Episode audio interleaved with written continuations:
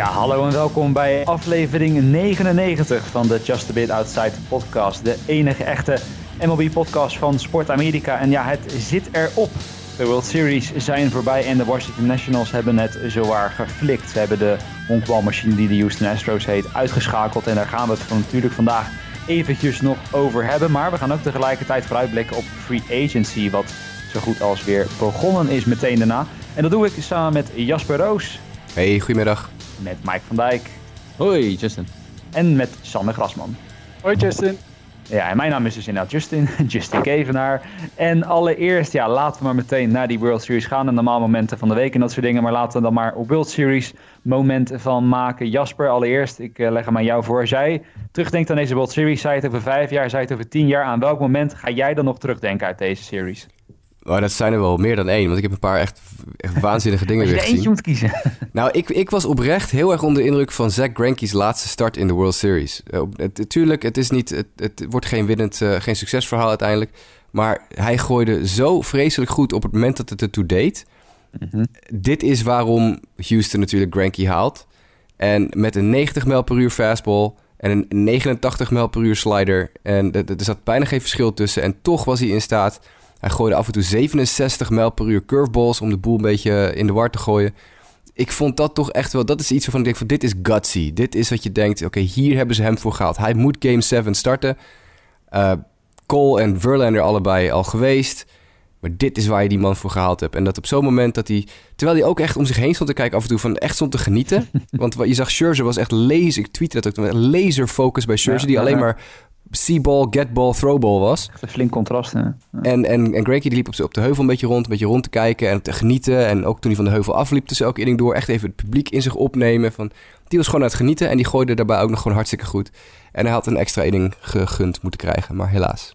Ja, nou ja, dat is inderdaad. Het is inderdaad ook wel weer goed om het daar aan over te hebben. Want dat zou je dan bijna vergeten inderdaad. Want iedereen onthoudt natuurlijk de Nationals winnen. Waardoor je misschien bijna die prestatie van Greinke eh, inderdaad vergeet. Maar het was denk ik, ja, je verwoordt het goed. Het was denk ik voor Scherzer was het echt werken. maar dan ook echt keihard werken. Om uiteindelijk eh, tot die innings te komen die jij eh, moest gooien. En bij Greinke leek het in ieder geval echt, echt heel makkelijk te gaan. Maar ja, genoeg was het helaas in ieder geval niet. Mike, als jij eraan terugdenkt, wat voor moment springt er dan voor jou uit? Ja, dat is, vind ik net zoals Jasper echt lastig om in één moment eh, eh, te vatten. Maar het, hetgeen wat ik het meest vermakelijke misschien wel vond van deze series was, een, was ook een, had ook te maken met Zach Greinke. Maar dat was in de wedstrijd in, eh, in Washington. En zijn, de keer dat Juan Soto aan slag kwam, dat was echt vermaak. Die hele at-bat was vermaak. Die twee gasten wilden allebei zeg maar een beetje even een statement maken. En eh, Soto die stapte een keertje ook in weer met zijn bekende... ik grijp even naar mijn eh, edele delen en stap een keertje vooruit. En Granky de volgende bal gooit die gewoon keihard up en in. En eh, ze konden het allebei zo waarderen. Dat is dan mooi om te zien dat je... Weet je, ze zijn allebei tegenstander... maar allemaal gaan ze voor dit moment gewoon vol ervoor. En ja, dat was een mooie mindgame om te zien. Ja, ja, ze waren natuurlijk wel meerdere, meerdere spelletjes. Want die, die ga ik dan maar tussendoor meteen erin. Zag je natuurlijk ook momenten van Bregman die, de, die het slaghout helemaal tot aan het eerste honk in, zijn handen houdt. En dat Soto hem daarna als het ware nee de, nadeed. eh, om, om, om hem terug te pakken. Was natuurlijk ook wel iets. Wat, eh, even, tussen, wat vonden we er eigenlijk van? Vonden we dat kunnen? Of zeggen van nee, dat kan je niet doen? Ja hoor, moet gewoon kunnen. Ik vond zowel van Ja. Bregman eh, prima dat hij dat deed en Soto ook dat hij erop reageerde. Vind ik alleen maar leuk. Is alleen maar grappig. Soto was Ja. heel vaak betrokken bij dat soort dingen inderdaad. Het is gewoon een leuke, vermakelijke speler. Ook een goede speler natuurlijk. En dat Bregman de volgende dag zijn excuses aan ging bieden, vond ik onzin. Moet hij gewoon niet doen. Is gewoon leuk. Ja. Doe, gewoon, doe gewoon wat je wil. Je, je, je slaat een home run op een onwijs belangrijk moment. Vier dat hoe je wil. Boeien. Ja, volgens mij was, wa- was hij meer ook... eh, eh, liep hij op een gegeven moment echt bij het eerste honk... en dacht hij van... oh, ik had die knuppel ergens willen laten leggen. En dat kon toen ergens anders dan zeg maar in het veld. Dat, ik, dat, hij, dat probeerde hem als de eerste honkcoach te geven. Alleen Ja. die, die, die pakte hem niet goed vast. En daardoor viel hij weer op de grond. heel ongelukkigheid, ja. was. Die eerste honkcoach van Washington deed dat net zo goed, zeg maar. De, die kon hem Ja, ook niet precies, vastpakken. Ik vond het Nee. ook wel mooi dat eh, want Bregman trok het boetekleed aan na afloop en helemaal excuses aanbieden. En bij de managers boden ook hun excuses aan en dat het allemaal niet had moeten gebeuren. En Soto zei eigenlijk alleen maar, ja, ik vond het cool Mhm. toen eh Bregman het deed en ik dacht dat wil ik ook doen. Ja. En hij doet het. Ja, dat vond, dat vond ik het mooi. Dat was echt zo- zo'n pure reactie inderdaad. Gewoon eh, inderdaad, ja, hij deed het. Dus als ik er dan eentje ging slaan, dan wilde ik het ook gaan doen. Maar ja, dan inderdaad weer dat, dat, dat spastische gedoe van... eh this is not how we play the game en eh, bla bla bla. Ik denk van ja, kom op hè. Zijn de World Series, eh, dat, dan, dat soort dingen maken het dan ook wel mooi. Tenminste, ik denk dat bijna elke fan die daar dan naar keek... eh, ja, behalve misschien wat 60-plussers of zo... dat die, eh, het allemaal wel heel erg vermakelijk vonden. Maar goed, Sander, als we dan verder gaan. wat, wat voor moment sprongen dan voor jou uit deze World Series? Ja, ik vond de, de home run van Rendon na de, de passing of de interference van Trey Turner, dat hij zo reageerde op de, de heisa die daar ontstaan was na het, uh, de uitcall bij, bij Turner. Dat hij dan uh, nou ja, uh, alleen maar binnen de lijnen liep terwijl hij er, eruit moest. En dat hij dan daarvoor uitgecalled werd. En dat Randon dan reageert door hem er gewoon uit te slaan. En zo eigenlijk aan alle heisa op dat moment in ieder geval een einde maakt. En gewoon de, nou ja, op een positieve manier reageert. Waardoor ja. Game 6 ook ja, in, het, in het voordeel van Washington uiteindelijk beslist kon worden. Ja. hij liet zich niet opnaaien en uh, ja, dat vond ik een mooi moment. Ja. Kunnen, we, kunnen we dat scheidsrechtersmoment trouwens nog wel eventjes gelijk, uh, als we het toch over hebben, tevoorschijn halen? Wat een mm. onzin call dat was dat, zeg. Uh, ja, dat, dat was eigenlijk hetgeen waar het alleen maar over ging naar Game 6. En dat iedereen er eigenlijk zei van het is maar goed dat, dat Washington die maar ook won. Want anders hadden we het waarschijnlijk tot in de lengte van dagen daarover gehad. En het was wel echt bizar hoe dat ging, ook hoe lang het duurde. En dat, het was al met al gewoon echt een extreem rare en vervelende situatie ook uiteindelijk. Ja, het is gewoon ook niet. Ja, ik bedoel, je kan het uitleggen volgens de regeltjes. Maar als je een paar mensen hebben uitgetekend hoe, de, hoe een rechtshandige slagman dan zou moeten lopen. Nou, dat kan helemaal niet. Nee. Iemand dat op een, op een papiertje gewoon even laten zien van... nou, dit zou de looplijn zijn zoals die beschreven staat in de regels. Ja, zo liep die inderdaad niet. Maar zo kan, zo kan die helemaal niet lopen. Ik bedoel, Turner was al op het honk toen de bal hem zo ongeveer in zijn kont raakte. Het is gewoon een slechte aangooi. Het is gewoon een error. Klaar. Ja. ja ja, het was wat dat betreft ook niet echt de World Series van de, van de, van de umpires. Die natuurlijk ook in meerdere opzichten af en toe wel eens uh, in negatieve zin. Ik weet niet, Lance Barksdale was het geloof ik, hè, die ook uh, tot twee keer toe echt een, een strike al volledig nou ja, verneukte, om het maar even heel plat te zeggen. Dat hij het één keer ook min of meer aangaf van, uh, dat was tegen Jan Kooms geloof ik, van dat hij het gewoon meer expres deed omdat hij zo snel opstond. Ja. Dat hij een soort ja, van en, en dan de uitleg. Maken de uitleg van Tory naar aanleiding van die Trey Turner speel, uh, play, die maakt het alleen nog maar erger. Want die uitleg van Tory sloeg ook echt helemaal en, nergens. Dat vond ik mooi, hè. Tory die zat daar en Turner, dat zag je ook gewoon op de camera via de Fox uh, broadcast. Dat hij echt zo zei van, he's right there, he's right there. Ja. dan van, nou ja, laten we Joe Tory dan, hè. Die is de baas van het alles, laten we dan aan hem vragen hoe het precies zit. Maar dat, uh, dat Turner zei van, ja, die dook een beetje weg en...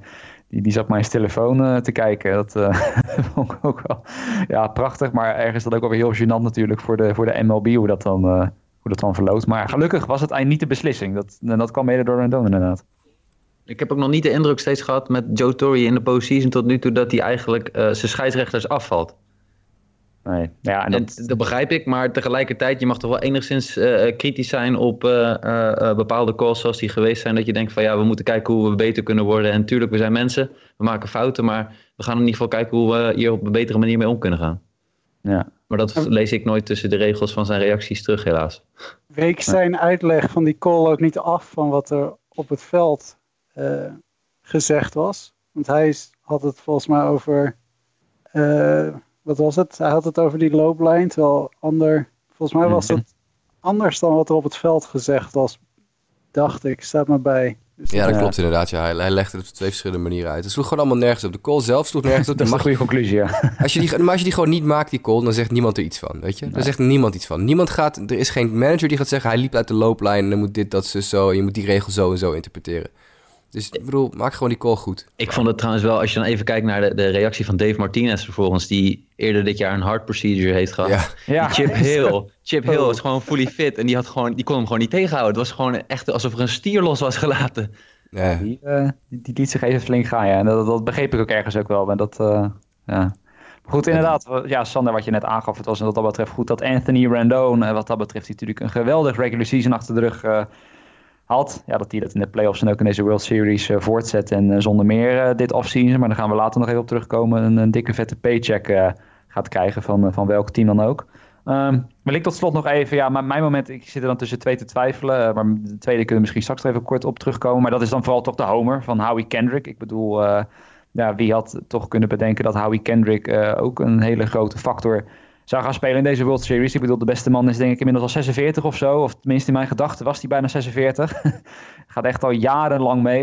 En dat hij uiteindelijk dan die bal, ja, die, die, echt alsof er een magneet in die paal zat, zeg maar. Hoe die bal daar zo mooi tegenaan klankte dat vond ik echt, eh, dat is wel iets wat ik eh, denk ik zeker wel, als ik over vijf à tien jaar terugdenk aan deze World Series, dat dat wel eh, misschien wel het moment is wat me dan bijstaat.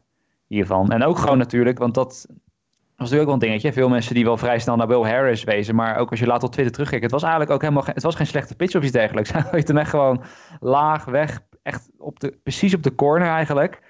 Alleen ja, soms dan wint, uh, wint de slagman gewoon. En Kendrick die, uh, die zakte door de knieën en die uh, wist hem over de muur in te krijgen. Maar ja, bijzonder dat Howie Kendrick. En zo is natuurlijk deze overwinning in meerdere opzichten heel bijzonder. Ik bedoel, nou ja, Jasper, ik zag bijvoorbeeld op jouw Twitter zag ik al genoeg statistieken voorbij komen die allemaal aanduiden hoe bizar het eigenlijk is. Dat, dat Washington dit flikt. Hè. Iedereen heeft over die five elimination games... waarin ze onder andere tegen Josh Hader, Clayton Kershaw uh, het verschil hebben gemaakt. Uh, dat de Astros bijvoorbeeld 60 en 21 in thuiswedstrijden waren... en dan toch gewoon vier keer thuis verliezen. Dat, dat soort dingen. Het is wat dat betreft statistisch denk ik wel... een van de meest onwaarschijnlijke overwinningen. En de mooiste statistiek vond ik nog wel, Jasper... die had je ook op je Twitter gezet... dat ze op 23 mei hetzelfde record hadden als de Detroit Tigers... Ja, dat klopt. Allebei ja. 1931. En de ene ploeg won, verloor uiteindelijk 114 wedstrijden. En de andere ploeg won de World Series. Zo ja, heel, heel bizar, ja. En, en ook dat tijdens deze World Series geen één thuisploeg een thuiswedstrijd gewonnen heeft. Nee. Ja, dat blijft heel, heel gewoon zeven, zeven wedstrijden op rij de uitploeg wint. Dat is echt bizar. Ik heb dat in geen enkele sport volgens mij nog een keer gezien. Ik ook niet, nee. Ja. Dat blijkt dus wel weer dat thuisvoordeel uh, overrated is. Ja, nou ja, en, en, en daarnaast, wat ik me dan nu, ja, nu net zit te bedenken, hè, daar hebben we natuurlijk eerder in de podcast, en dat was denk ik waarschijnlijk rond 23 mei, dat we in de podcast toch openlijk twijfelden, maar overal natuurlijk over Dave Martinez. Hè, hoe lang uh, zou hij zijn baantje nog houden? En uh, hoe lang zou het duren voordat de Nationals al uh, ja, de handdoek in de ring zouden gooien en zouden zeggen van nou, het gaat niet gebeuren na het, na het Bryce Harper tijdperk, zeg maar. En we gaan ja. ook in de ring gooien en het anders aanpakken. En dat het dan toch nog, ja, we doen, we, doen, we proberen vaak dan al ergens in mei... Touchdown with his legs or thrown for one. In... kan je er dus helemaal niks over zeggen is hier van de conclusie. Want uh, ja, dat, dat dat team, dat toen dus 1931 was, uiteindelijk een team met 106 overwinningen in de Dodgers... en dan 107 overwinningen in de Astros te gaan verslaan... Dat, is, uh, ja, dat, dat blijft wel denk ik een van de meest historische World Series wat dat betreft. Ik denk ook wel, je niet allemaal even spannende wedstrijden had op zich... maar qua, ja, qua opzet is dit echt wel een van de beste van de afgelopen 10, 15 jaar, denk ik. Zeker. Ik denk het ook wel, ja. Ja, en ik, uh, gewoon gegeven de pitching ook die in deze serie zat. Dat ook, ja. Uh, dat maakte het ook echt ongekend. Want iedere avond was eigenlijk gewoon een mooie pitching matchup. Uh. Ja. Nou ja, en ik denk wat dat betreft was Washington ook wel precies... in dat opzicht denk ik de perfecte tegenstander voor de Astros... die ook in ieder geval qua pitching inderdaad mee konden in dat geweld. het was alleen de vraag hoe de rest van hun line-up en, en bullpen et cetera... ja, tegenop kon. Maar dat bleek uiteindelijk meer dan genoeg te zijn. Want ja, ze hebben het geflikt, hè. De district of champions noemen ze zichzelf nu. Nadat ook de ijshockeyers vorig jaar uh, kampioen werden. En uh, ook de vrouwenbasketballers. Dus uh, ja, alleen de Washington ja. Redskins. Hè? Ik wil zeggen, we zwaaien even met z'n allen de Redskins. Ja, ja dat, dat, is, dat, is de enige ploeg die verrassend genoeg achterblijft bij al dit succes. Maar goed, dat, dat terzijde. Verder dan nog dingen over deze World Series die we echt kwijt moeten, vinden jullie? Nou ja, de, nou ja, we kunnen er een uur over doorpraten, want het was een weergeloze, weergeloze week.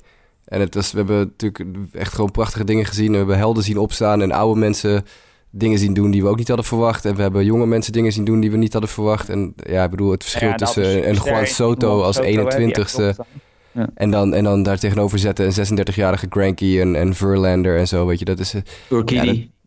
Ja, Urquidy, die ook ja, uit het niets kwam ineens met een waanzinnige start. Ja, weet je, dat zijn dingen, dat is, dat is, dat is honkbal. Dat maakt honkbal zo mooi. Ja.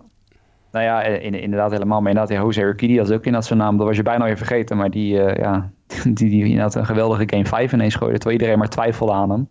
En die ook gewoon uh, het deed, ja. En dan de MVP. En misschien kunnen we daarmee dan meteen een bruggetje maken. Want de free agency begint dan meteen als het ware na de World Series. En Steven Strasburg, ja, hij is uiteindelijk de MVP geworden. Want we hebben hem nog niet genoemd. Maar was natuurlijk in Game 6 was hij de reden ook wel dat de Nationals uiteindelijk een, zevende wedstrijd af wisten te dwingen. En ook wel mooi dat Strasburg, die natuurlijk jaren geleden als eerste is gekozen. Met natuurlijk het, het doel dat hij uiteindelijk de ace zou worden van dit team. En uiteindelijk ja, eventueel ooit een kampioenschap zou mee kunnen maken. Dat het zoveel jaren later nog toch zover is gekomen dat hij inderdaad de beslissende factor, of een van de beslissende factoren bleek te zijn. Maar goed, uh, eerste, eerste first overall pick en geschiedenis die dat ja. uh, voor elkaar krijgt. Uh, ik, ik vond het trouwens niet helemaal een automatisch goede keus dat, nee, dat hij MVP was. Ik had het Rendon gegeven als ik eerlijk ben, want die was op, op, met die stats ook, als je die ziet, op sleutelmomenten niet alleen heel belangrijk, maar ook natuurlijk die, de momenten dat je, uh, ja, die, die vier, drie, vier home runs, vier, vijf ja. doubles, een hele bende RBI's, weet je wel. Het, dit was, die was ook gewoon onwijs belangrijk. Ja. Ja, nee, daar valt wat voor te zeggen inderdaad. Ja, ik, Ik ben, ik ben het helemaal eens, maar tegelijkertijd, je outduelt twee keer Justin Verlander. en dat vind ik echt wel ook wel behoorlijk dat is knap. ook wel wat waard, ja.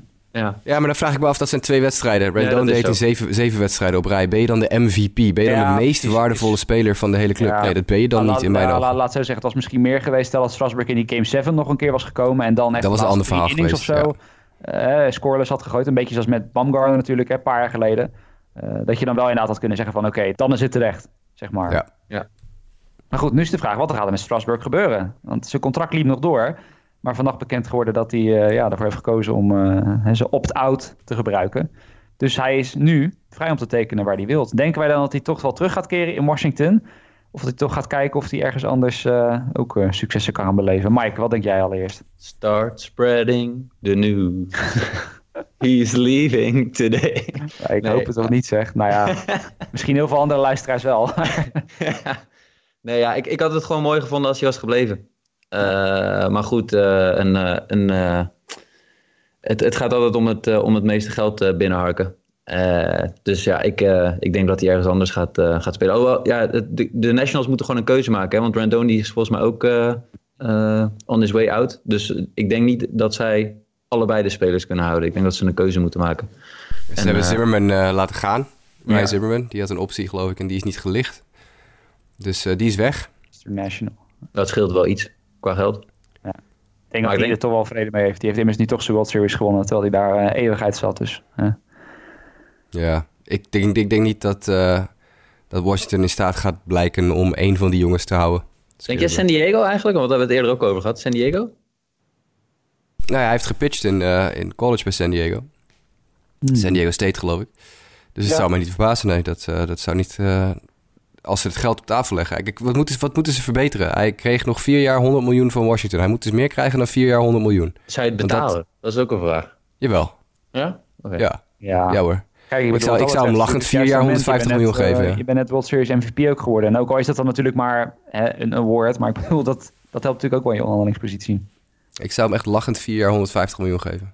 Ja, maar het is wel een pitcher die geen één keer in één, geen enkel seizoen... Nou, één, één seizoen in zijn carrière. En dit seizoen, twee En, seizoenen dit- dus. en dit seizoen, eh, ja, precies. 200, 200 innings heeft gehaald. Nou, en dit seizoen, dat zeg je goed. Dus eh, ondanks dat hij al een dagje ouder is, haalt hij toch dat nu gewoon wel. Als hij fit blijft. En dat, ja, goed, dat is hij dit seizoen gebleven.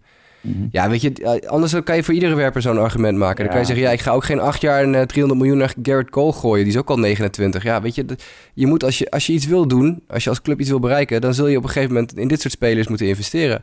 Nou, Ja. als, een, als een Strasburg, als een talent als Strasburg op de markt komt, dan moet je daar gewoon geld tegenaan klappen. Nou, je moet vier jaar 100 miljoen verbeteren. Dat betekent dat je 450 miljoen moet gaan bieden of zo. Ja. Cole moet ook gewoon acht jaar eh 300 miljoen krijgen of zo. Maar kijk, als je met Cole, dan, dan kan je nog veel makkelijker spelen met opt-out en zo. Dan kan je zeggen, oké, hier heb je, weet ik veel, acht jaar 300 miljoen. Eh, dat, eh, dat contract, dat frontloaden we flink. Dus je krijgt het meeste uitbetaald aan het, aan het begin van je contract. Eh, en dan zit er na vier jaar of zo zit er een, eh, een opt-out in. Eh, en dan kan je weg. En dan kan je het nog een keer doen. En dan is hij 33. Nou, dan, dan heb je vier jaar lang lol van die gast. Betaal je wel een smak geld voor hem.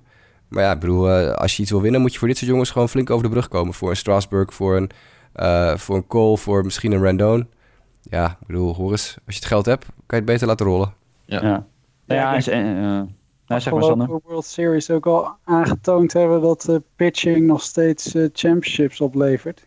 Dus, en er zijn genoeg clubs die eh, staan te springen om een, een, ace als een Strasburg. Dus ik denk dat er aardig, eh, aardig opgeboden gaat worden. En ik denk dat hij wel ergens een flinke smak eh, geld kan krijgen. En ja, als, als een team als de Yankees mee gaat bieden, dan eh, weet je zeker dat het een, een hoog bedrag gaat worden. En nou ja, de Angels worden ook al genoemd. San Diego zal toch ook een keer iets aan de rotatie Mhm. willen doen. Ja. mochten ze op korte termijn met Machado gigantische contract echt mee gaan doen aan de prijzen, dan eh, hebben ze pitchers nodig. Ja, dat soort teams eh, gaan dit wel denk ik op tafel leggen, zo'n zo'n bedrag. Ja. De Angels zijn mijn, eh, mijn, mijn pick voor Garrett Cole trouwens. ja, precies. Ja, dat... Ik zag wel dat Cole terugkrabbelde of in die aangaf dat hij nooit gezegd had dat hij naar de westkust wilde. Dus die lijkt ook een beetje te solliciteren naar de Yankees, waar hij Ja. schijnbaar van kinds af aan fan van is. Ja, hij is opgegroeid in. Zuid-Californië. Is in college geweest in Californië. Ik, eh, ik zie hem wel teruggaan hoor. Maar wel een Yankees-fan dus, ja. Ja, maar ja, goed, weet je. er zijn er zoveel van, wil je zeggen. Ja, Waarschijnlijk wel bedoel, actieve spelers. Iedere, iedere speler heeft ooit in zijn leven eens een keer gedacht... Goh, wat een leuk Yankees team of zo. ja, precies. En die, is- en die is dan in basketbal fan geweest van de Lakers en zo, dat soort dingen. Precies, weet je, dat zijn... Ja, goed. Ja. Ik, ik, ja, weet je, het zou natuurlijk de doodsteek voor het honkbal zijn... als dit soort jongens naar de Yankees gaan. Maar ja, goed. Nee, maar ik Ja, denk in ieder geval, en dat, dat is denk ik wel belangrijk. Ik denk ook niet dat de Nationals inderdaad. eh, ik denk zelfs nog dat de kans groter is dat ze eventueel Rendon behouden dan dat ze Strasburg gaan, eh, gaan houden. Ook gewoon omdat ze natuurlijk al heel veel geld nog steeds aan Scherzer gooien. Ik zit toevallig op te zoeken, die verdient volgend jaar 35 miljoen. Corbin, zijn salaris gaat omhoog naar 19 miljoen. Dat zijn toch al wel twee starters waarin je echt serieus geld nu hebt geïnvesteerd dan. Ik weet ook niet hoeveel ruimte ze dan hebben. Met Zimmerman valt er dan wel ook een groot contract weg. Maar ja, ik denk, al- als er, dan, als er dan toch eentje blijft, dan zou het Rendon kunnen zijn. Maar dan nog betwijfel ik of ze echt tegen de andere teams kunnen opbieden die, eh die Ja, daarbij. Rendon heeft al heel veel, heel veel onderhandeld met eh, de Nationals de Dat afgelopen is natuurlijk jaar. wel zo, hè? Die hadden ook En al er is een, nooit, een ze zijn nooit dichtbij en- geweest. Ze Nee. zijn nooit dichtbij geweest. Dus ik denk dat. Rendon ook al een beetje op zijn pik getrapt is. Misschien vanwege de te lage biedingen van het afgelopen jaar. Nou weet je natuurlijk niet in hoeverre zijn optreden in de World Series... het voor de, de front office van de Nationals makkelijker maakt... om te kunnen Mhm. verdedigen dat ze meer geld naar hem gaan gooien. Maar daar zal wel even wat eh, mediation moeten plaatsvinden, denk ik, ja. Nee, in ieder geval interessant wat dat betreft. Eh, het, het zou dan wel eh, flink veel talent zijn, maar natuurlijk dan de Nationals in twee jaar verliezen met Harper vorig jaar dan. En dan nu heeft met Strasburg en Rendon. Maar aan de andere kant, hè, ze hebben het hoogst haalbare bereikt. Dus ik denk dat heel veel fans dat ook op de koop toenemen dan eh, dat ze liever die World Series hebben en dat deze twee sterren weggaan en dat ze deze twee hadden behouden en niks hadden gewonnen. Dus, je noemt wel even een naam waarvan ik zoiets heb van, moeten we daar nog iets van, van, van zeggen? Bryce Harper? Ja, nou ja, ik wil dat net nog wel even mensen. Nou, hoe, hoe zou die hier naar hebben gekeken? Dat, ja, het is toch wel opvallend natuurlijk. Hè? Jarenlang eh, centerpiece van de franchise. Hij moest het in de playoffs doen. En het jaar dat hij weg is, eh, klikt het allemaal. Ja. Ik Het zeg is- niet de oorzaak gevolg, maar tegelijkertijd, ik had wel, ik had wel gedacht, de, weet je, ehm, eh, hij is niet super actief op social media, maar een congratulations naar zijn voormalige werkgever of iets dergelijks had gekund. Was chic geweest, of iets dergelijks. Maar iedereen zit een beetje met hoe voelt Bryce zich nu, zeg maar. Ik zag alleen maar mooie, eh, ook een paar tweets voorbij komen met, eh, volgens mij had jij die geretweet, eh, eh, Sander. Van eh, eh, al het geld zeg maar, wat uitgegeven was deze offseason aan bijvoorbeeld Corbin en zo. En eh, winning the World Series, priceless. dat zou kunnen, ja. Ja, nee, wat dat betreft, eh, ja, ik weet niet. Misschien maar goed, ik zit net te denken, misschien maar goed dat Harper niks van zei. Ik bedoel, nu die in Philly speelt en zo. En eh, die, die fans zijn al niet echt vergevingsgezind. eh. Hij had toch die verspreking bij zijn presentatie. ja, dat wel, ja. Dat hij zei dat er een World Series naar Washington zou komen. Ja. Ja, Hij heeft het gezegd, hij was de eerste die het zei. Hij zei DC, toch? Of DC dan, ja. Ja, en toen werd er nog eh, gedaan van... ja, nee, maar dat kan niet hebben gehad over, weet ik veel... het district waar ook Baltimore onder valt of zo. Weet ik veel. Ja, Of, ja. eh, eh, Eigen, eigenlijk was Bryce Harper de eerste. En daarna zei Bob Nightingale natuurlijk, de geweldige MLB-volger. Die was de tweede die het voorspelde in zijn preseason predictions. Dat, dat Washington Oh, World Series zou winnen. Ja. Bob Wij hebben dat allemaal niet kunnen zien, maar Bob Nightingale wel.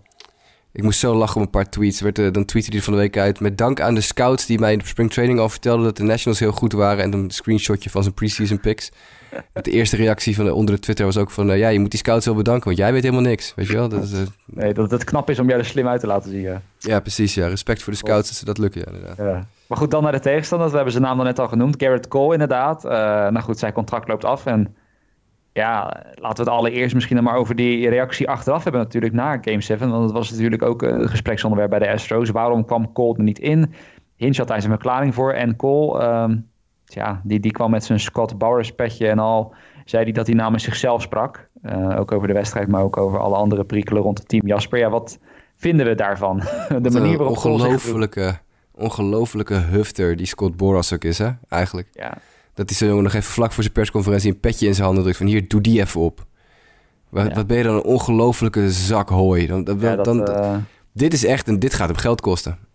Ja, ik, denk, ik denk dat er nu oprecht... echt, eh, nee, ik denk dat er oprecht teams zijn die nu gaan zeggen... hey, hoe zit het met je club, de clubloyaliteit? Eh, heb, je, heb, je, heb je loyaliteit of niet?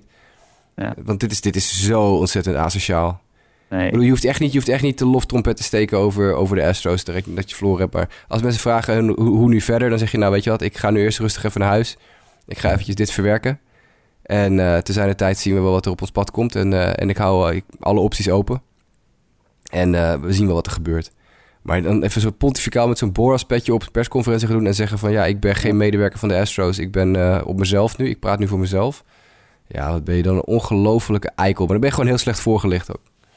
Ja, dat, dat ook wel inderdaad vooral. Ik bedoel, het, kwam ook vooral heel erg voor, voor ongelijk over inderdaad. Van uh, nou, uh, ik ben beslist niet van plan om hier te blijven. En ik wil, uh, ben op zoek naar een team dat me wel gaat gebruiken wanneer het erop aankomt of zo. En ook ja, maar vooral ik bedoel, je, je, kan, je kan natuurlijk die discussie hebben van had hij ingezet moeten worden na Granky?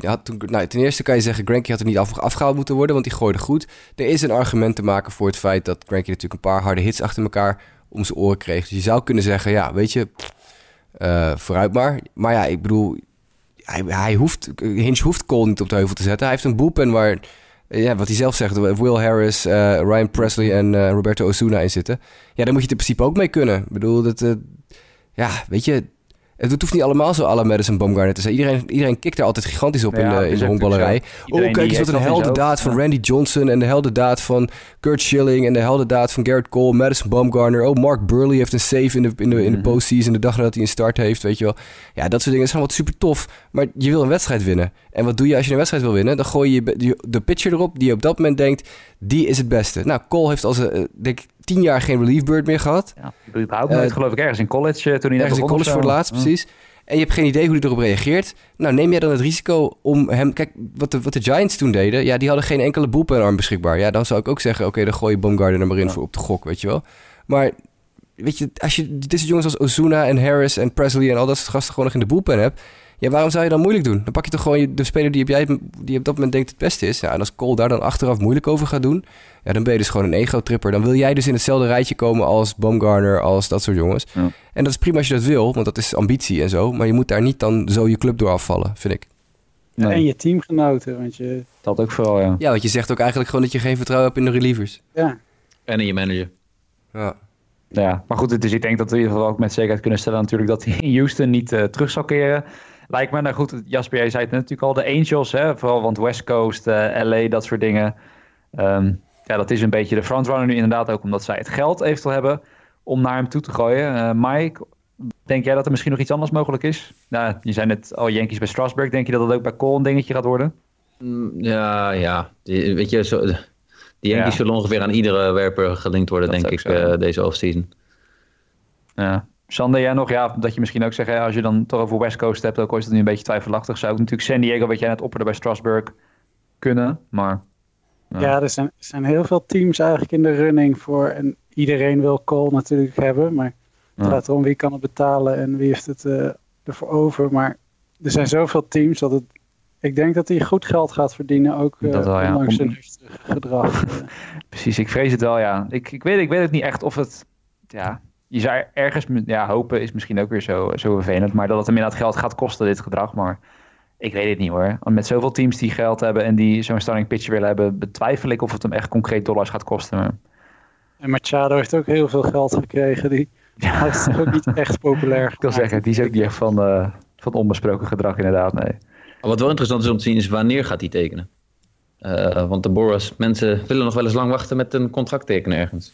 Het zou heel dom zijn, want hij is een pitcher, dus hij moet uh, vrij vroeg alweer beginnen met zijn off-season programma. Mm. Ja, precies. En je wilt toch die afleiding wil je niet hebben, denk ik. Kijk, positiespelers, je zag het ook al een beetje met Machado en Harper. Dat was ook allemaal kwam helemaal heel laat op gang. Ja. Maar ik, uh, ik hoop voor ze dat ze het rond de GM-meetings uh, doorheen drukken. Ik denk ook stiekem wel dat er een kans voor is, omdat de teams ook niet willen wat er vorig jaar gebeurd is met Machado en Harper de teams willen ook gewoon sneller doorpakken. Dus de kans bestaat dat ze dus gewoon zeggen... oké, okay, hier heb je 10 miljoen meer, maar teken dan ook nu, weet je wel. Ja. Ja. dan een andere naam die we het ook bij hadden gezet. JD Martinez, uh, ondanks dat zijn contract natuurlijk nu nog doorloopt... kan hij ook wel voor een opt-out gaan. Nou ja, Sander, uh, wat denk jij als Boston Red Sox fan? Denk jij dat hij gaat blijven of dat hij misschien toch voor een opt-out gaat... om ergens anders meer te verdienen? Ja, er wordt al heel lang gesuggereerd dat hij, ja, dat hij het wel wil gaan proberen op de, op de op de markt om te kijken of hij iets beter kan krijgen. Uh, ja, ik, ik vind het moeilijk te zeggen of het. Uh, het ja, hij zou natuurlijk gewoon uh, kunnen blijven. Dus ja, hij is gewoon echt wel een pure designated hitter. Dus hij heeft wel ja.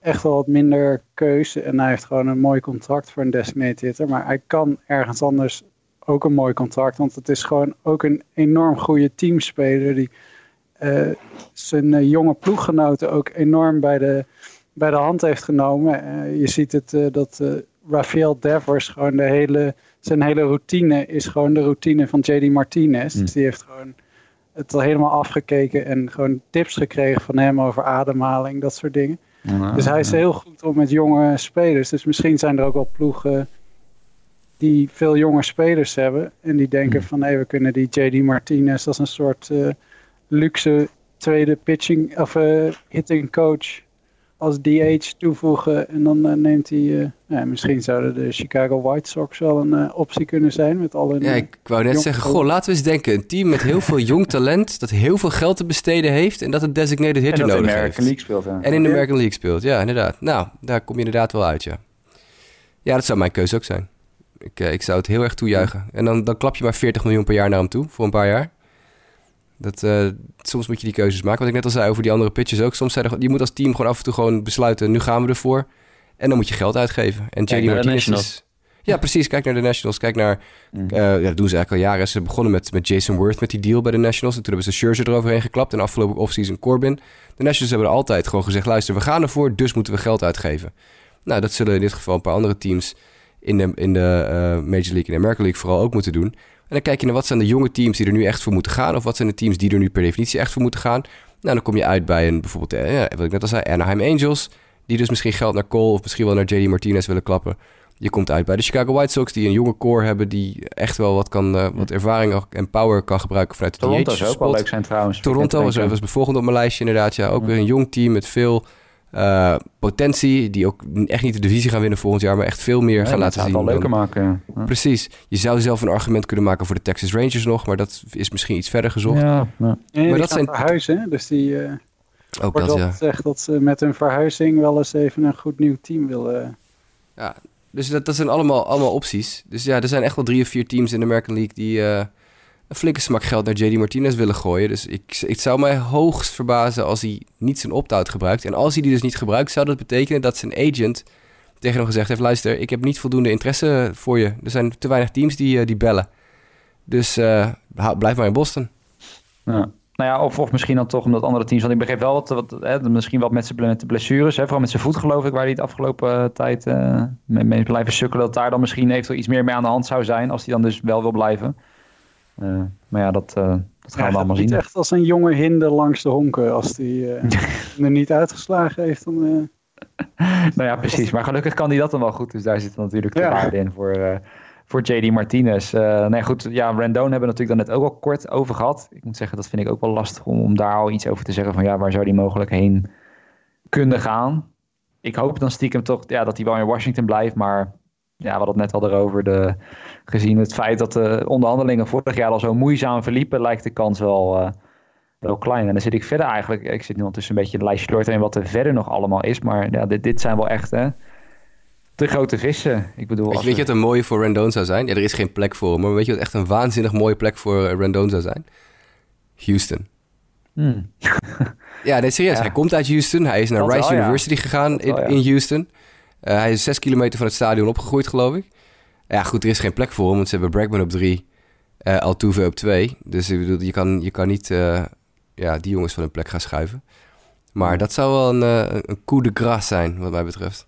ja, zijn naam wordt ook wel bij Texas genoemd, zag ik. Dat die, Op zich ook logisch, ja. Ik bedoel, alle Texaanse Ja, invloeden worden meteen aangeroepen natuurlijk. Ja.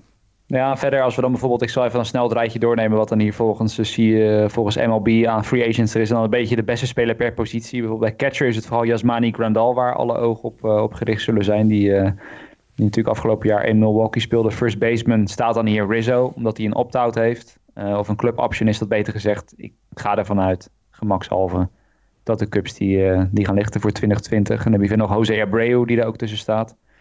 Eh, second, Ja, die verwacht ik ook dat hij een, eh, of een qualifying offer krijgt of een eh, verlenging. Precies, maar goed, die, die zou dan de beste eerstvolgende zijn na, na Rizzo. Second baseman, dat is niet zo heel veel. En misschien is dat dan wel een voordeel voor Jonathan Scope, die daar onder andere tussen staat. Want voor de rest is er niet zo heel veel. Eric Sogard is volgens War de beste second baseman die beschikbaar is. En daarna dus Jonathan Scope. Dus die heeft toch alweer afgelopen jaar wat leuke dingen laten zien in Minnesota. Misschien dat hij dat toch om kan zetten in een contract. Nou ja, derde hokman was dus overduidelijk Rendon, maar ook Josh Donaldson en Mike Moustakas. Eh, kunnen de vrije markt op gaan, korte stoppen.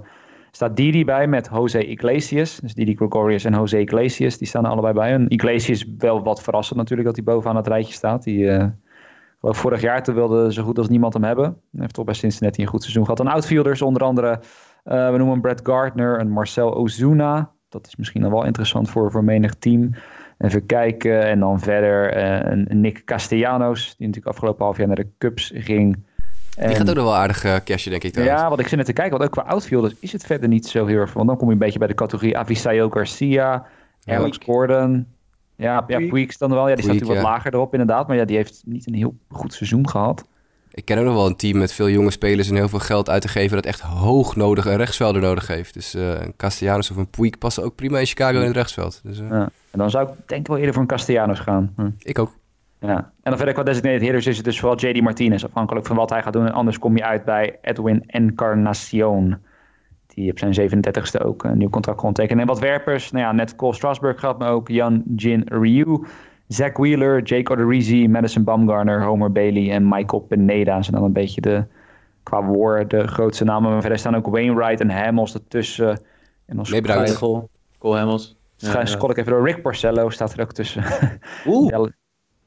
nee, bedankt. Rich Hill, Dallas Keuchel en dan heb je het wel. Ja, Felix Hernandez natuurlijk, waar we het al eerder over hebben gehad. Maar dat, uh, dat is het dan wel zo'n beetje. En ook qua relievers valt het wel mee. Ja, Will Smith, hè, die afgelopen jaar bij de Giants goed was. Maar, en Will Harris. Maar ja, of je nou die twee gasten zoveel geld wil geven...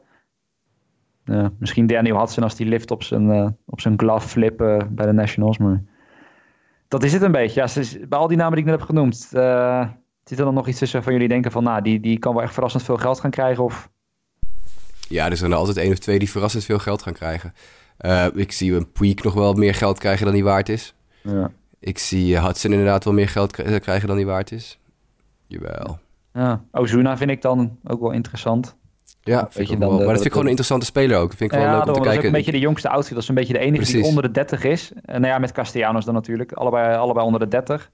En die wel echt gewoon een ja, prima seizoen hebben gehad. Afhankelijk uh, dat Ozuna af en toe eruit lag. Maar ja. ja, die relievers kunnen ook, juist omdat die markt zo smal is. Nou ja, daarom. Dat is natuurlijk altijd dan maar weer... Uh, elk jaar zijn er wel teams die dat nodig hebben. En ja, als dan toevallig net in één jaar Will Smith en Will Harris de beste zijn... dan gooi je daar je geld tegenaan inderdaad. Ja.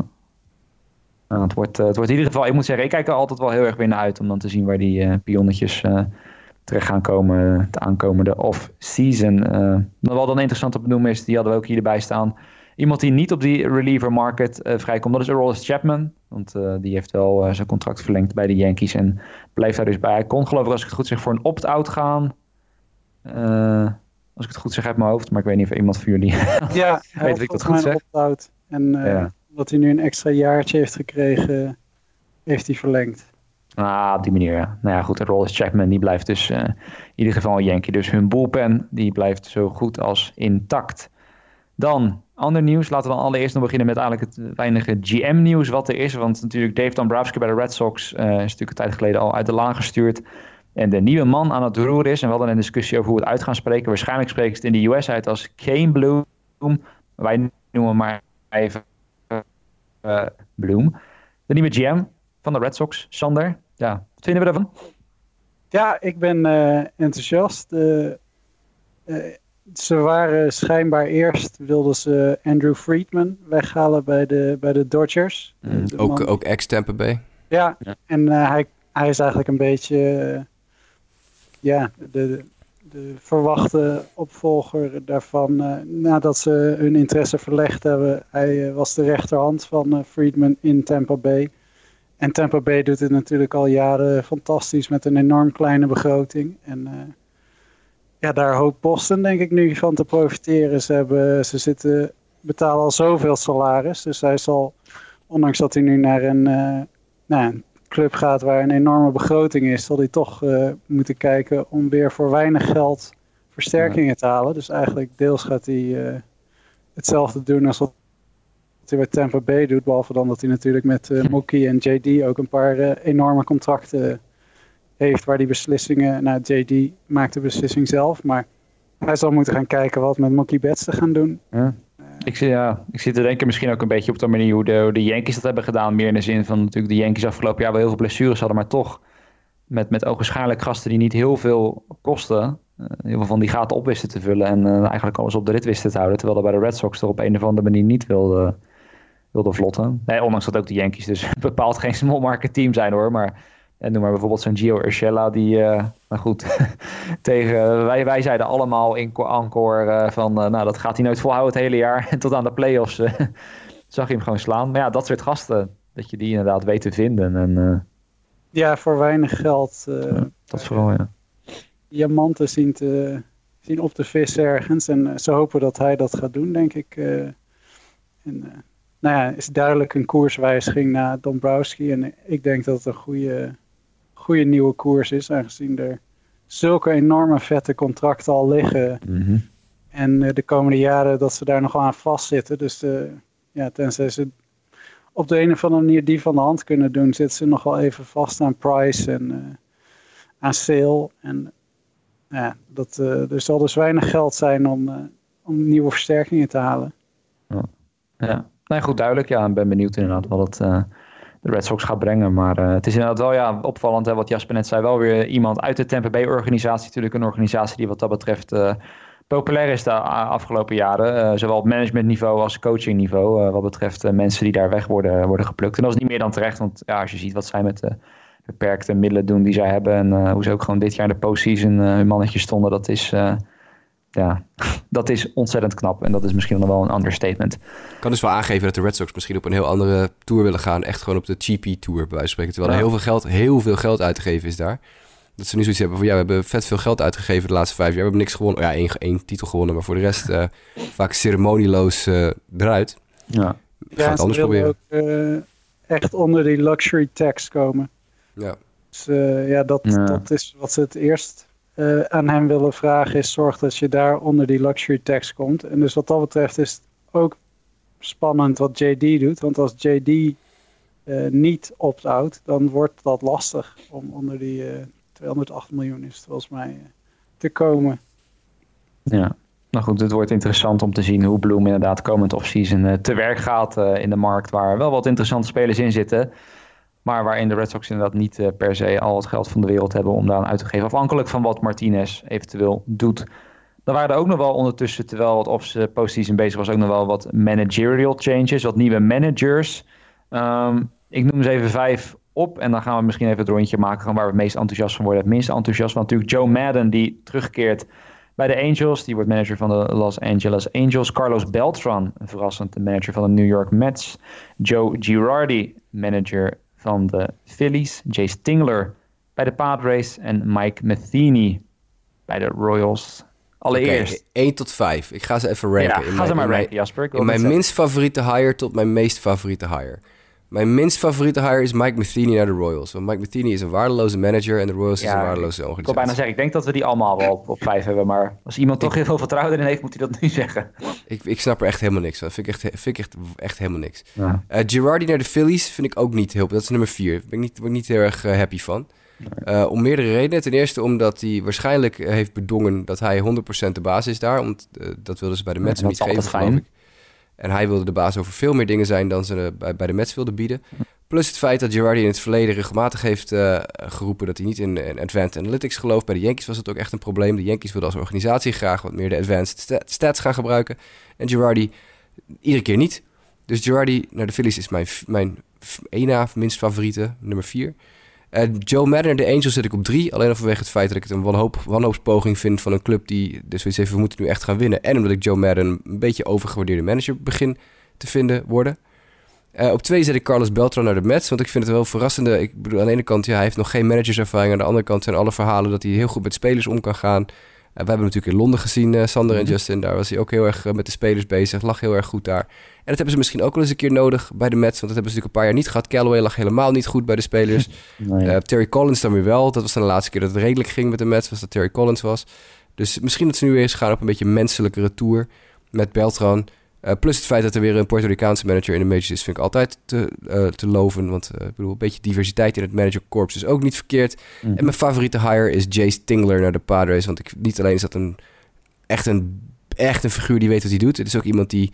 Nou, dat is, dat is een nieuwe Rocco Baldelli. Een jongen die, die ontzettend veel ervaring heeft in de, in de honkbalwereld. Heeft Winterball teams gemanaged. Zijn Winterball team heeft geloof ik zelfs de Winterball League gewonnen of staat bovenaan in, op dit moment. Dus dat gaat hartstikke goed. Of zijn Dominican League team, weet ik veel.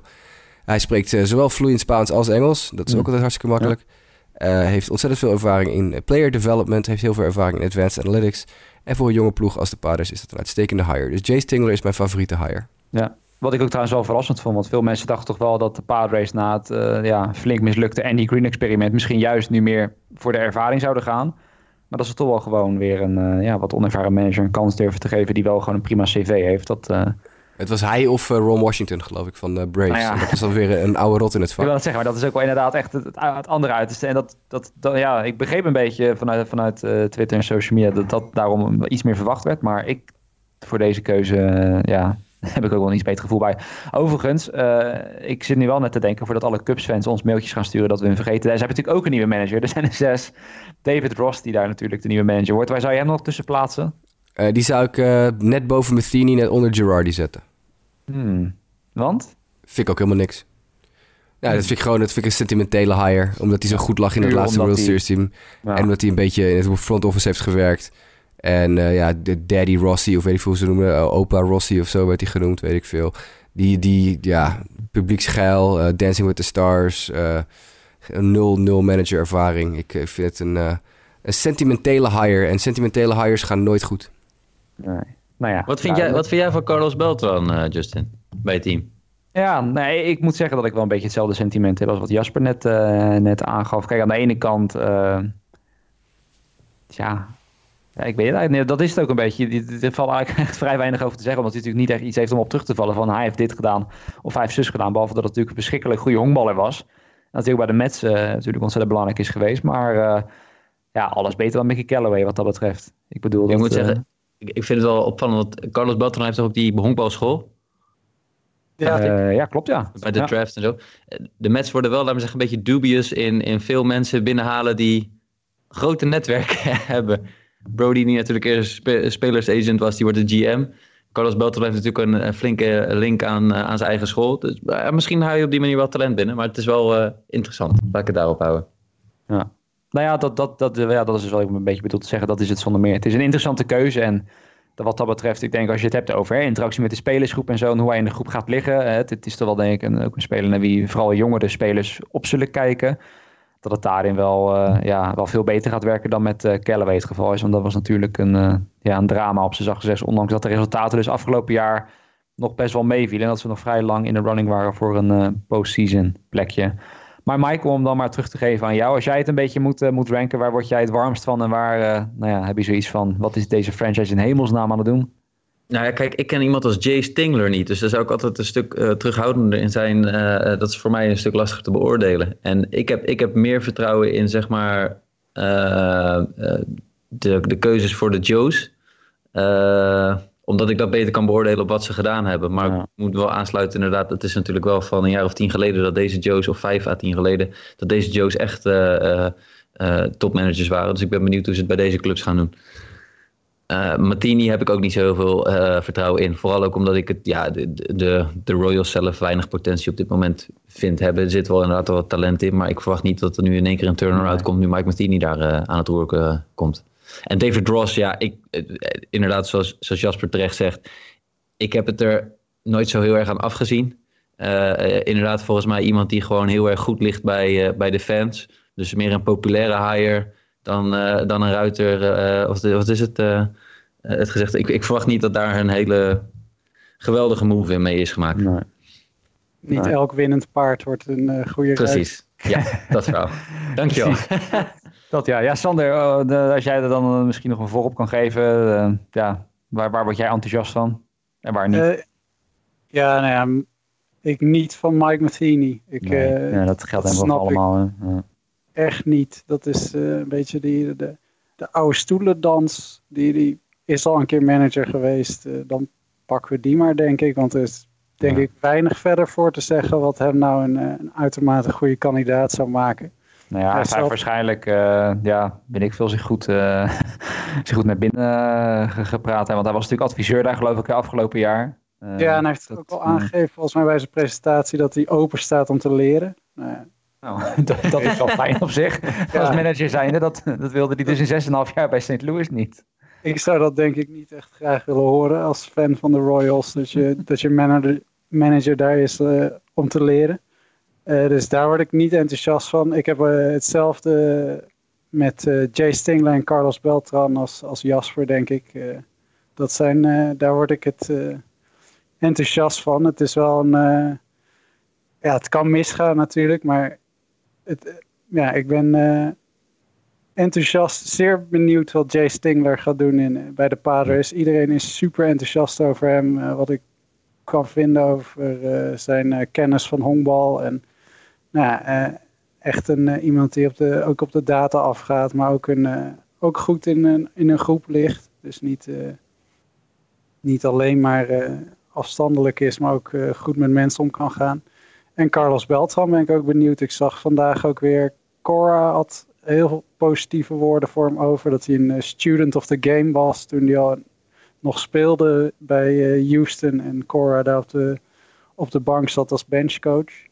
Mm En uh, we hebben nu een streak van twee Puerto Ricaanse managers die kampioen zijn geworden. Dus uh, hij zal er alles aan gaan doen om de derde te worden, denk ik, met de Mets. Dat lijkt me wat ver. dat lijkt me wat moeilijk, maar... never say never. Ja, dat, we hadden het over de Nationals. ik kon het zeggen. in mei nog gezegd dat het onmogelijk was. Dus misschien ja. gaat dit onmogelijk presteren. Ja, en Joe Madden en Joe Girardi, ja. Ik, ja. Ja, Madden is een, beetje, je, weet, je weet wat je krijgt, maar... Ja, de, reputatie van Joe Madden ging op een gegeven moment al erg ver. Dat ook uh, Scheet die lied als een soort magische ingreep werd gezien. ja, ja. Nou, daar zal, ik denk dat er in geïnvesteerd gaat worden in de Angels. Dus daar zal een sterke ploeg komen. En uh, nou ja, slecht is die natuurlijk niet. Dus die gaat het misschien wel het beste doen. Maar, uh, ja. ja. nou ja, wat, dat, dat moet ik dan wel zeggen. Dat, dat het toch wel bij de Angels, ik bedoel, de vorige keuze was natuurlijk toch ook vrij onbegrijpelijk. Brad Alsmus, die er dus ook al na een jaartje uit, uh, uit werd gegooid. En dat was misschien een beetje een soort, ja, een beetje de Mike Matheny van dit jaar, zeg maar. Dat je echt dacht van, nou, de Angels, die zochten gewoon naar iemand die, die ervaring had die in ieder geval ooit eerder manager is geweest en dachten, nou, die is beschikbaar en uh, ga jij het maar doen. Dat, ja, ik weet niet, was vorig jaar terwijl de, de meest head-scratching decision wat dat betreft. Uh, dus dan toch vind ik mij dan wel wat, wel, wel, wel, wel betere keuze. Maar inderdaad, het is wel uh, de vraag hoeveel vernieuwing gaat hij daar, uh, daar brengen. Um, ja, eigenlijk heb ik dan niet zo heel veel meer toe, toe, te voegen op alles wat al gezegd is. Wat dan wel interessant denk ik is om te benoemen is dat er daarmee dus nog twee openingen zijn. Allereerst bij de San Francisco Giants, waar natuurlijk Bruce Bochy na vele jaren uh, is vertrokken. En, en Hensley Meulens, dat was gisteren ja. bekend. Ja, maar ja, ja en het, tenminste als ik het nu in ieder geval... Eh, ik heb toevallig hier een artikel van CBS voor me... zou Gabe Kepler momenteel de frontrunner zijn... waarmee ze een tweede gesprek gaan, gaan houden. Dus de, beste man die afgelopen jaar bij de Phillies uh, moest vertrekken. En de Pirates die lijken vooralsnog volgens John Heyman... vooral in te zetten op Astros benchcoach Joe Espada... die wel bij meerdere teams werd genoemd. Uh, maar goed, er zijn maar weinig openingen meer. En de kans lijkt dus groot als Espada ja, een goede indruk maakt op de Pirates... dat hij dan de opvolger van Clint Hurdle gaat worden daar. Uh, maar goed, dat zijn dus nog de enige twee openingen die er zijn. En ook Espada naar de Pirates, dat zou ik bijvoorbeeld wel een hele leuke keuze vinden. En ook met Kepler Giants. Ik weet niet, ik zou niet per se een probleem mee hebben, maar... Ja. Ondanks dat hij dan wel hè, met ervaring en zo. Maar ik denk dat Kepler nog best wel een tweede kans verdient. Maar dat, dat is mijn mening. Heeft iemand er nog wat op toe te voegen? Ik had gehoopt dat Hensley ergens een, keus, uh, een kans zou krijgen. Ja, ja die, die, die, gaat inderdaad niet de goede kant. Wordt wel genoemd als hittingcoach bij Miami nu. Ja, maar goed, als je ergens een coachingpositie gaat vervullen bij Miami... Ja, Sorry. Dat lijkt, nou ja, misschien dat hij al dan interim headcoach kan worden als het komend jaar weer heel slecht gaat. Dat wel, dat wel, ja. Nee, maar dat, dat is inderdaad wel jammer. Hè? Wat was het niet? Was het net twee jaar geleden dat hij bij de Yankees werd genoemd? Of? Ja, voor ja, Boone de tweede ronde volgens mij van de sollicitatieprocedure. Ja, hij was ja. finalist geloof ik met Boone samen. Dus hebben ze Boone gekozen. Ja, is dat toch zonde inderdaad. Want inderdaad ook, ook wat ik er dan van mee heb gekregen, ook bijna amper tot niet genoemd. Bijna al die openingen die er, uh, die er waren. En ook ja, dus bij de Pirates in ieder geval niet. Daar heeft men het nu vooral over Espada dat ze hem willen, willen interviewen. En als het bevalt dan, uh, dan meteen willen houden. Dus... Uh, de, de Pirates moeten eerst maar eens een GM zien te vinden. Dat is op zich ook wel handig natuurlijk. Ja, dat is ook wel een belangrijke toevoeging dat het daar wat dat betreft natuurlijk uh, allemaal eruit is. Wat denk ik alleen maar een goede zaak is. Ik bedoel, vorige keer is het kort behandeld, maar de Pirates, als je ziet hoe die de afgelopen jaren toch die potentie erin zat, hoe dat allemaal is, weggegaan. En hoe volgens de meest waardevolle spelers uiteindelijk uh, in de postseason hebben lopen schitteren. Dat is toch wel pijnlijk om te noemen. En uh, ja. die franchise verdient zonder meer beter. Maar goed, we gaan het allemaal zien. Hè? We gaan het off-season in en daarin gaan dus onder andere de deze twee openingen vervuld worden. En gaan ook heel veel spelers dus op een andere plek uh, terechtkomen. Jasper, ik kijk dan nog even naar jou. Hadden we überhaupt een mailback vraag? Want ik had dat van tevoren eigenlijk niet gevraagd, maar... Ik heb niet gekeken, maar ik heb nog wel even een mededeling voor de mailback. Twee eigenlijk. Dus we maken er hmm. gewoon een mededeling mailback van in plaats van eh, een daadwerkelijke mailback. Mm namelijk ten eerste, wat we helemaal vergeten zijn te zeggen toen we de World Series bespraken, is dat uh, Dennis Jansen, onze vaste luisteraar Dennis Jansen, voor, de World voor de playoffs, naar aanleiding van onze podcast, uh, een flinke bedrag heeft ingezet op de Washington Nationals World Series titel. En dus 15 keer zijn inzet terug heeft gekregen. Nou, hij had 100 euro ingelegd, dus tel uit je winst. Uh, dat is natuurlijk hartstikke leuk voor Dennis. En dat vinden we heel tof dat hij dat op basis van onze tips heeft gedaan. Maar Dennis heeft ook nog een keer woord gehouden. Want hij zei voor de World Series op Twitter in het openbaar... als de Nationals de World Series winnen... dan win ik uh, nou, 15 keer mijn inleg terug. En dan krijgt Jasper een flesje wijn van me. En gisteravond zijn er drie flessen Sancerre bezorgd bij mij. Dus, Als uh, jullie denken, waarom klinkt Jasper vandaag iets anders dan normaal? ja, dat heeft daar niet mee te maken. Ik fles opgemaakt. ik heb sterker nog, ik heb hem nog niet open durven maken, omdat ik uh, dusdanig ziek ben. Wat je misschien wel gehoord hebt, dat ik geen, uh, nee, geen, geen alcohol drink op dit moment. Maar Dennis, geloof mij, er komt een heel mooi moment binnenkort dat er een van die flesjes open gaat. En dan zal ik met plezier aan je denken, want een man een man, een woord een woord. Dennis Jansen heeft ja, heeft zijn woord gehouden. Die heeft mij inderdaad als bedankje wat wijn opgestuurd. Vind ik heel tof. En de tweede mededeling die ik even wil doen is dat dit was de 99ste aflevering van Just a Bit Outside. Dat betekent dat de 100ste aflevering eraan komt. En we gaan ons best doen om daar iets speciaals van te maken. Dus uh, blijf uh, ons in de gaten houden via de social media kanalen. Want we gaan uh, proberen er iets leuks van te maken van de 100ste aflevering. En die zal zo'n beetje, denk ik, rond de GM-meetings in december zijn. Ja.